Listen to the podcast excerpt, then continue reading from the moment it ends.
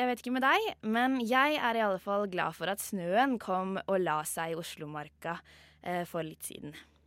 For denne vinteren har vært den mest snøfattige siden 1950-tallet.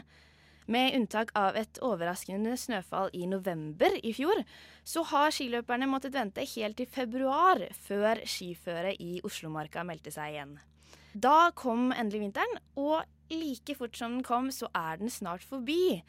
I dag så har vi med oss eh, en løypekjører som har vært glad den siste tiden for å få ha noen, eh, noe snø å kjøre løyper på. Eh, velkommen til oss, Petter Bjong. Takk. Kan ikke du fortelle oss litt hvordan løypekjørere jobber gjennom vinteren? Vi har jo en vakt da, fra det er sjans på at det kommer snø. Enten det kommer i oktober eller desember, så er vi på med en gang snøen kommer og til siste gran er borte. Og det, vi er jo kjempeprivilegerte som får lov til å jobbe med noe vi liker å jobbe med, alle sammen. Vi er jo glad i å gå på ski, alle som jobber med å lage skiløypene. Og Sånn som i år, så har vi jo hatt skiløyper mer eller mindre hele tiden fra starten på november og fram til i dag. Men det er først nå at du kan se på turplanleggeren til Skiforeningen og se at løypene lyser grønt fra Grua stasjon langt nord for Oslo og, fram til Kjelsås, Grefsen, Sognsvann, Frognesetra og Sørkedalen. Og på kryss og tvers, altså fra Ringkollen og videre østover, nesten over til Gardermoen. Så det er, enorme, det er enormt mye med skiløyper nå som er kjempefine. Hva er det egentlig du som løypekjører må passe på for at løypene blir best mulig? Det er jo viktig at uh, vi skal prøve å treffe et bredt publikum. Fra de aktivt trenende til de småbarn og eldre og mindre um, voldsomme skiløpere. Da. Og det er en veldig spennende utfordring i jobben, for vi lager vi bare sånn tusleløyper på flatmark, så er det til glede for mange. Og lager vi altfor bratt og altfor krevende løyper, så blir det mm, bra for noen, men feil for andre. Så det er å klare å treffe hele spekteret. At alle skal ha et godt tilbud hele tiden. Mm. Hvilke møter har du med skiløpere ute i marka?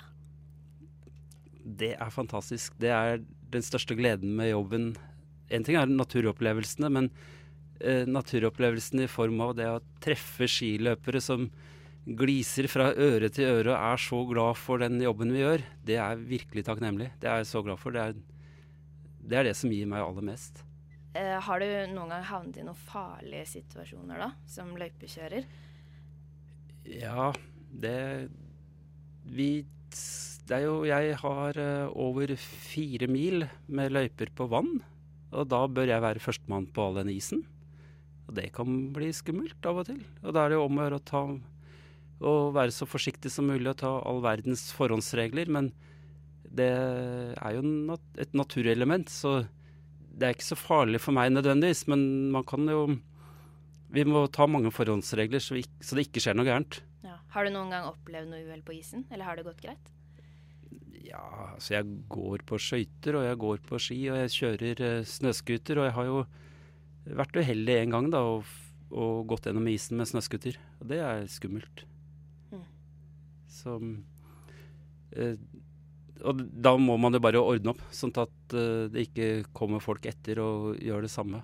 Ordne opp, ja. Og komme seg opp først. Ja, komme seg opp, komme seg på land og sikre stedet. Ja. Hva, hva, er det skiløpere egentlig bør tenke på for å unngå farlige situasjoner? Hvilke forhåndsregler bør man ta? Eh, det, så er man ute på tur i skauen, uansett, så er det mitt eh, personlige ansvar å passe på min egen sikkerhet. Det gjelder enten jeg er ute på vanlig jobb, eller ute på skitur eller skøytetur eller løpetur eller et eller annet. Så jeg kan aldri overlate det ansvaret til eh, andre enn meg selv. Uh, jeg går jo i fjell, og jeg går på sjøen og padler kajakk og alt, all mulig sånn frilufts, uh, friluftslivsaktiviteter i naturen.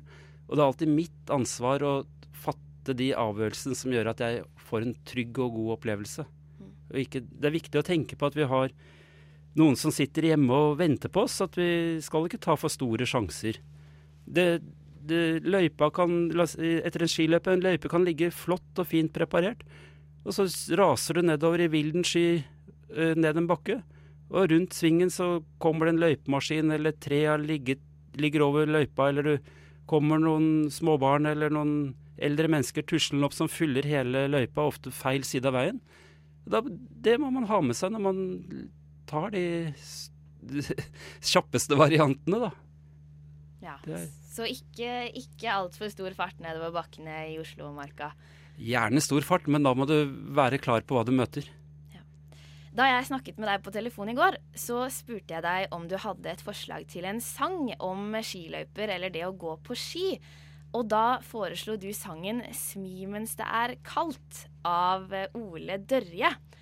Og denne sangen eh, har jo du faktisk en historie bak. Kan ikke du fortelle? Jo, jeg sitter en kveld og kjører eh, løypemaskinen for å få at løypene skal ligge klare og fine til neste morgen, da.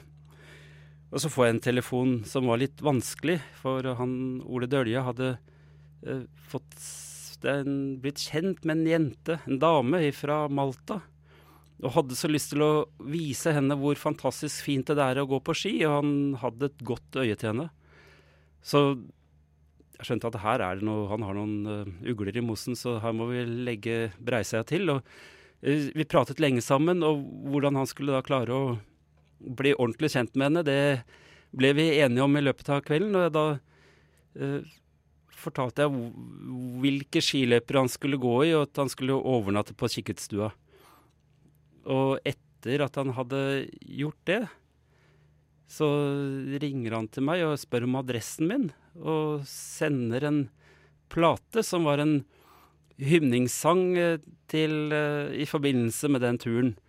Og han og Gabriella, som hun heter, de er fortsatt sammen og glad i hverandre, og dette er jo mange år siden. Så det er veldig hyggelig. hyggelig.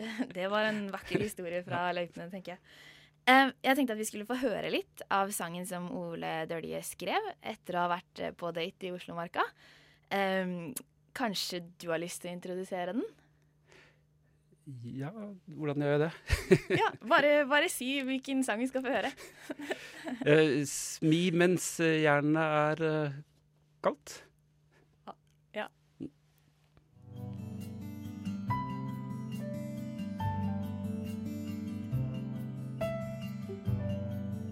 Parasoller er slått ned.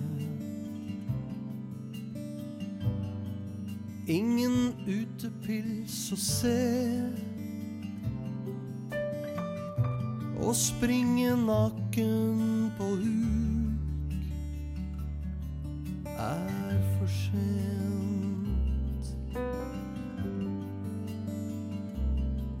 Men den første snøen ligger parat. Og trikken har varmeapparat. Så nå tar jeg sjansen på å si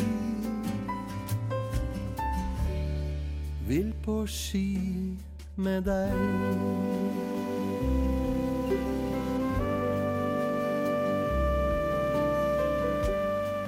Se, nå fryser løkka vår. Ingen vil ha softis mer i år. Å sovne ute på en arm er for sent.